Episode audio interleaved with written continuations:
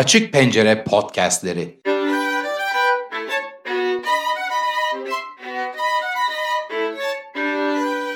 Bir Düştüm Yola Kültür Yolculukları girişimi. Müzik tarihine, sanat tarihine, bestecilerin yaşamlarına ve eserlerine, müziğin derinliklerine, sanata ve mimariye yapılan bir zaman yolculuğu. Hazırlayan ve sunan solo kemancı, oda müzikçi ve akademisyen Profesör Doktor Orhan Ahıskal. Sevgili Düştüm Yola Kültür Yolcularım. Esasında birikmiş ve sizlere bahsetmek istediğim, anlatmak istediğim birçok konu var, not aldığım konular var. Ama aradan bir başka konu bir anda sıyrıldı. Bugün size biraz ondan bahsetmek istiyorum. Başka çok müzik dışından bir alandan konuşacağım. Önce size küçük bir hikaye anlatacağım, bir olay anlatacağım. 2020 yılının Mart ayının başlarında bu korona ile ilgili ilk kapanmalar başladı. Bir anda bizim gibi serbest çalışan müzisyenlerin iş alanları yok oldu ortadan. Yani tamamen konserlerimiz iptal oldu, dersler iptal oldu ya da dersler bir süre sonra online platformlara taşındı ama başlangıcında hepsi birden yok oldular. Ben bu süreçte bazılarınız hatırlayabilir esasında bu podcast'ın ve belgesel filmlerin de kökeni olan internet üzerinden online müzik konuşmaları yapmaya başladım. Covid relief yani Covid'e bir e, şey olsun diye Covid sıkıntısından biraz uzaklaşabilmek için. Aynı dönemde biraz da spor yapmak amacıyla ben bulunduğumuz yerden birkaç durak güneye giderek trenle giderek sonra yürümeye başladım. Bu dönemde biliyorsunuz Türkiye'de belli yaşın üzerindekileri tamamen eve kapadılar. O kısıtlamalar Almanya'da biraz daha iyiydi. Yani yalnız başınıza örneğin sokağa yürüyüş yapmaya, e, spor yapmaya çıkabiliyordunuz. Ben de aynı şekilde bulunduğumuz yerden Münih'in ben biraz güneyindeyim yani resmi Münih sınırlarının biraz dışında oturuyorum. Buradan Unterhaching Banlieue istasyonuna gidip oradan 3 durak güneye gidiyordum. S3 Banlieue hattı üzerinde. Deisenhofen diye bir tren istasyonu burası. Almanya'da şehirlerin Türkiye'deki gibi büyümesine izin vermemişler. Yani şehrin resmi sınırı hop diye bitiyor bir anda. Yani biz burada Münih'in merkezine sadece 5 durak uzaklıkta oturuyoruz ama resmi olarak Münih sınırları dışında kalıyoruz. Şehir dışı olduğu için de burada yerleşim olmakla beraber çevrede çok tarlalar var. Kırsal yaşantı hatta tarım yaşantısı devam ediyor sürekli.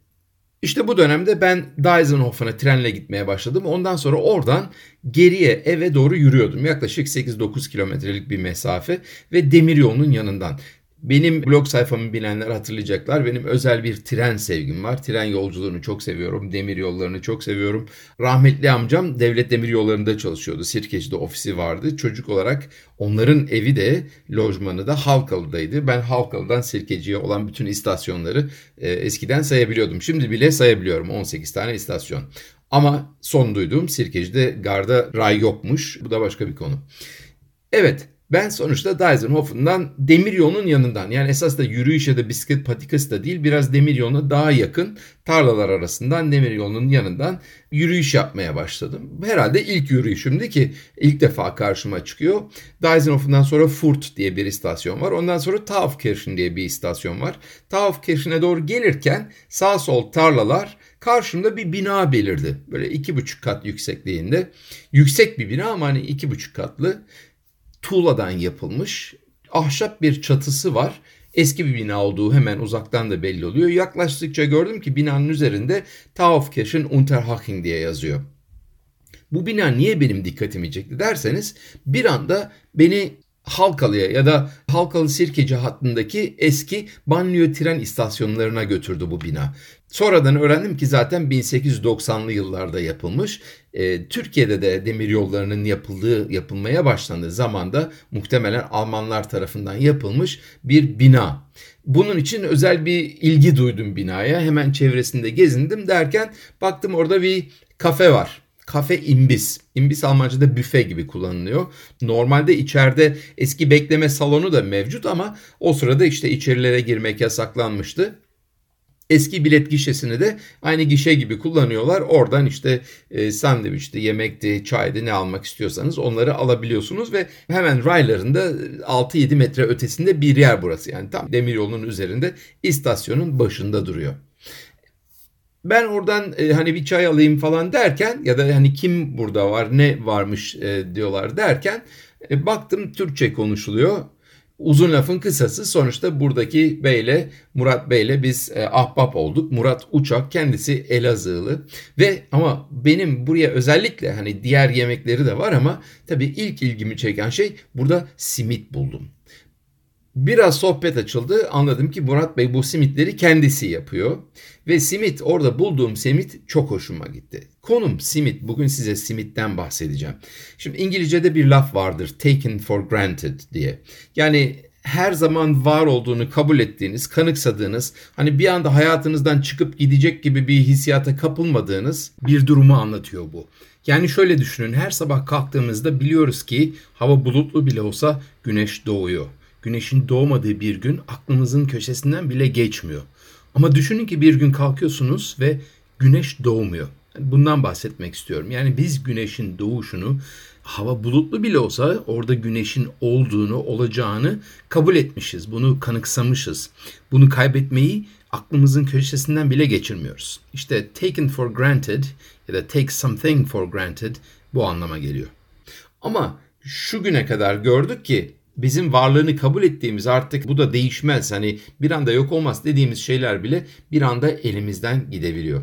Şimdi benim tabii çok önemli bir şey değil ama simit için böyle bir duygum vardı. 1990'lı yılların başında İngiltere'ye gittikten sonra muhtemelen yıllarla simit yemedim.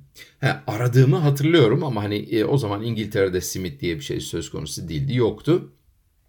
Belki işte arada bir Türkiye'ye gidip geldikçe o zaman simit yiyordum. E sonra araya döndüm. Ondan sonra e, bir 8 yıl Amerika'daydım. O dönemde de hiç simit diye bir şey yoktu. Ha ben hatırlıyor muydum simit? İşte arada bir gidip gelen olursa ya hani Türkiye'den simit getirir misin? Hani başka bir şey sipariş verilmez de simit kolay gidip gelen bir malzeme. O bir iki kerenin dışında o dönemde de simit yemediğimi hatırlıyorum. Sonra çocukluğuma gittim bir anda. Ben Ankara'da Kızılırmak Caddesi'nde büyüdüm. Neresi derseniz Ankara'nın şimdi hani en büyük camilerinden, Orta Doğu'nun en büyük camilerinden birisi Kocatepe Camii'nin hemen önünde Kızılırmak Caddesi vardır. Eskiden o caddenin cami tarafında da bir dizi ev vardı ve biz orada oturuyorduk. Ta ki işte 1987 yılındaydı bu evler istimlak edildi. Sonradan büyük bir otopark yapıldı. Otoparktan önce ve evler dururken oradan camiye doğru bir küçük bir tepe vardı. Biz evin arkasından ağaçların arasından neyse o tepeye çıkabiliyorduk. Oradan hani cami inşaatı devam ediyordu o zaman. Ve bugün hani o beğendik süpermarket falan onların bulunduğu cenaze namazlarının kılındığı o alan yoktu o zaman. Kızılırmak Caddesi'nden aşağıya Meşrutiyet Caddesi'ne inilir. Meşrutiyet'ten de Kızılay'a inilir. Yenişehir'e inilir. Kızılırmak Caddesi'nin bir ucunda yukarıda Kızılırmak sineması vardı. Olgunlar Caddesi'nin köşesi. Ondan sonra bizim eve doğru gelirken Selanik Caddesi ya da Selanik Sokak, Hatay Sokak, Bayındır Sokak diye gidiyor bu sokaklar. Bizim evin tam karşısında Hatay Sokak vardı. Bunu niye anlatıyorum? Çünkü bizim evden çıkıp Kızılırmak Caddesi'nden Selanik Sokağa girdiğiniz zaman hemen ilk binanın altında Bodrum katında bir simit fırını vardı. Simit fırınının adını hatırlamıyorum kimler çalışıyordu onları da hatırlamıyorum. Ama hani günün belli saatlerinde ve sadece simit fırınlığı yapan bir yerdi burası. Yani başka çörek börek falan yoktu ve fırındı. Yani bir mağaza değildi. Hani girip ekmek alışverişi yapılan bir yer değildi burası. Orada yapılan simitleri hatırlıyorum. Belki böyle 10-12 santim çapında koyu renkli bayağı oldukça koyu kahve renkli ondan sonra üzerinde susamları olan tabi ve çok hamursuz yani oldukça ince bu simitleri hatırlıyorum. Bir anda çok uzun yıllar geriye gittim ve o simitler aklıma geldi. O simitin kokusu aklıma geldi. Bilirsiniz Ankara'da bu simitler akşam saatine kaldıkça üçünü 1 liraya diye satarlardı eskiden. Şimdi artık fiyatlarını bilemiyorum. Ama simit bile bir lüks oldu. Ben her yerde Türkiye dahil e, istediğim gibi simit bulamıyorum. Pastane simitleri çıktı, yok sosyete simitleri çıktı. Şehirden şehire simitler farklı şekilde yapılıyor. Örneğin İstanbul'a gidiyorsunuz e, simit daha geniş, daha büyük, daha etli oluyor. İzmir'de gevrek diye bir şey yapıyorlar. Ve ama simidin de baktığınız zaman e, baya bir geçmişi var, baya bir kültürü var diyelim. Örneğin simitten İnternet kaynakları şöyle bahsediyorlar. En eski simit simit tüketildiğini belirten belgelerin İstanbul'da 1525 yılından kaldığını yazıyorlar. Daha sonra Üsküdar'daki bir belgeye göre 1593'te simidin ağırlığını ve fiyatını standartize etmişler. Hani belirlemişler bunu. 1630'lu yıllarda Evliya Çelebi İstanbul'da simit satan 70 tane işletme olduğunu yazmış. Evet, e, tabii Osmanlı coğrafyasında o zaman yani Balkanlardan Orta Doğu'ya belki Kuzey Afrika'ya kadar da simit ve benzeri bu ürünlerin olduğunu biliyoruz. Hatta bir örneğe göre de simit lafının İstanbul'a doğru gelen kervanların İzmit'e uğradıklarında buradan hani yol için aldıkları o ekmeği, o yuvarlak ekmeği nereden aldınız diye derlerken simiti hani İzmit anlamında simiti dedikleri için bu ismin simit olarak kaldığını da söylüyorlar. Bilmiyorum ne kadar doğrudur. Bu arada tabii başka simitler de var. Örneğin Yahudilerin bir bagel diye bir simidi var. Bunu Londra'da ve e, Amerika'da her yerde bulabilirsiniz. Amerika'daki bu bagel'ların Şöyle bir farkı var bizim simitten. Üzerinde her zaman susam olmaz. Yani susamlı çeşidi de var ama sadece bir tarafında susam olur. Daha dar çaplıdır ama çok daha etlidir. Yani böyle bir ekmek parçasıdır esasında. Ortasındaki deliği çok daha küçüktür. Bunu ortadan yararlar. İçine işte krem peynir koyarlar. E, krem peynirin üzerine bazen füme balık koyabilirler. Londra'daki bazı yerlerde Yahudiler kökenli bir alışkanlıkla tuzlu dana eti dedikleri bir şey koyuyorlar. Biraz hardal koyuyorlar. Ama Amerika'da bagel'ın içine örneğin krem peynire bal ve ceviz karıştırarak daha tatlı şeyler de yapabiliyorlar. Yani bagel'ın çok çeşitleri var. Tam bizim gibi bizim tek başına aldığımız hani içine muhtemelen hiçbir şey koymadan yediğimiz simit gibi bir şey değil bagel. İşte bunları düşünürken simitle ilgili hikayeler aklıma geldi. Bunu sizlerle paylaşmak istedim. Bu arada Murat Uçak'la kendisinin yanına gittim. Biraz sohbet ettik. Şimdi size bu sohbeti de dinleteceğim. Bu arada sizin aklınıza simit deyince neler geliyor? Bunu söyledim çünkü birçok yerde simit yapılıyor ama gerçekten bildiğiniz böyle taş fırında yapılmış çıtır güzel bir simit bulmak gerçekten son derece zor.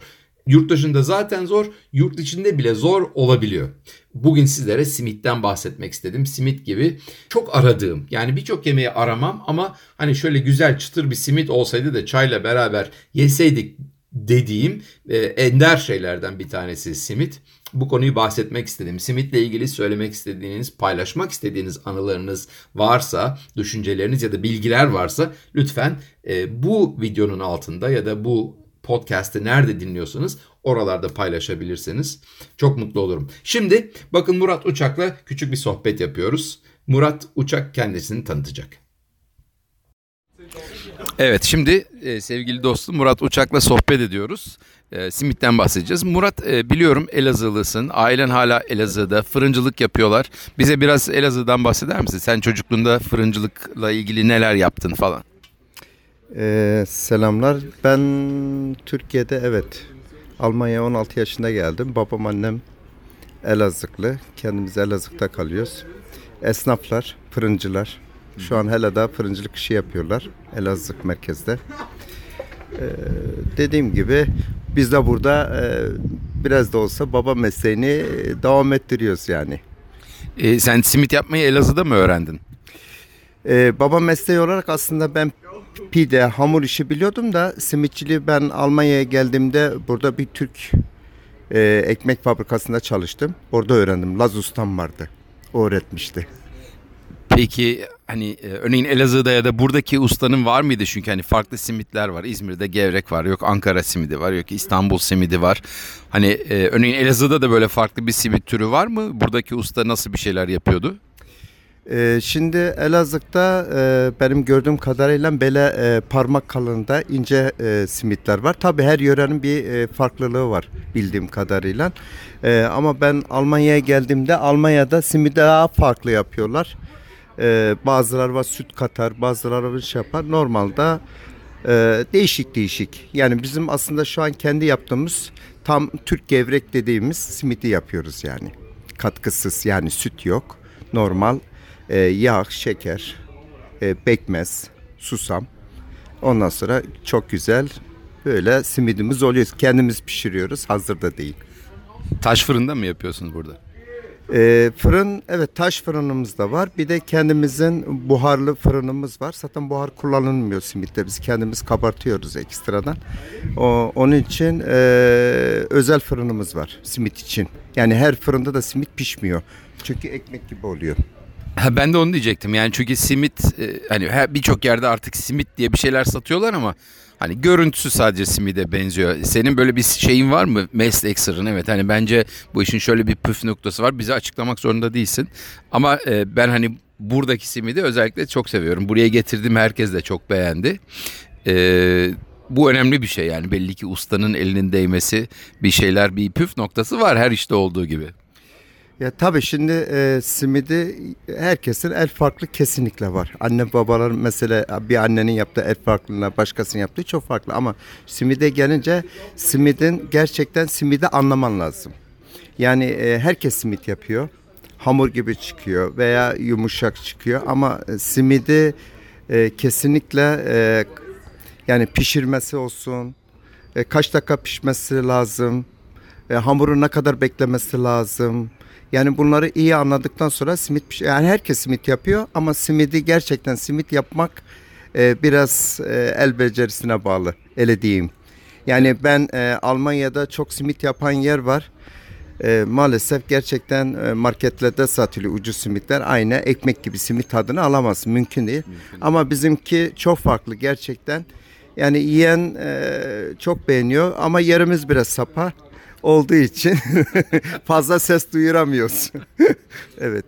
Ben o zaman hemen şöyle bir ekleme yapayım. Burası Münih Ostbahnhof yani Münih Doğu tren garından 6 durak uzaklıkta Taufkirchen S 3 banliyö hattı üzerindeki tren istasyonu. Yani buraya gelince bu binayı görmemek mümkün değil. Bu arada ben de ekleyeyim. Hani Muratlar burada sadece simit yapmıyorlar. Ee, öğle saatlerinde çok güzel ev yapımı yemekler oluyor. Murat ayrıca kendisi dediği gibi lahmacun yapıyor. Çok güzel pide yapıyor. Buraya hani buralardaysanız ve yolunuz düşerse Taafkirşin'e gelip eski tren istasyonundaki imbiste Muratların misafiri olun. Buradaki yemeklerin tadına bakın. Simidin saatini yakalarsanız her zaman bulunmuyor simit. Bitince tekrar olmayabilir. Güzel bir simit tadı da çıkarabilirsiniz. Teşekkür ediyorum Muratçım. Çok sağ ol. Ben de e, sizin katkılardan dolayı teşekkür ediyorum. Dediğim gibi gerçekten simit çok önemli. Ama e, dediğim gibi piyasada çok simit var ama simit yapan yok. E, gerçekten yani bunu böyle konuşuldu diye şey yapmasınlar. Dediğimiz gibi zamanınız varsa gelin yiyin ondan sonra yorumunuzu yapın. Bence gelmediğiniz zaman çok şeyi kaçırmış olursunuz. Teşekkür ediyorum. Ben de teşekkür ediyorum. Çok sağ ol. Sevgili Düştüm Yola Kültür Yolcuları, bugün sizinle müzikten çok farklı bir konudan bahsettim. Simitten bahsettik. Gerçekten hayatımızın içinde bulunan hiç hani varlığını da kanıksadığımız yani hiç simitsiz bir yaşam düşünmediğimiz muhtemelen yani simit bulamayacağımızın aklımıza bile gelmediği bir konudan bahsetmek istedim. Hepinize simitli, güzel, çıtır, taze, lezzetli simitli günler diliyorum. Çok sevgiler. Açık Pencere podcastleri bir düştüm yola kültür yolculukları girişimi. Gösterdiğiniz ilgi ve desteğiniz için şimdiden çok teşekkür ederiz. Bir başka Açık Pencere podcastinde buluşuncaya kadar hoşçakalın.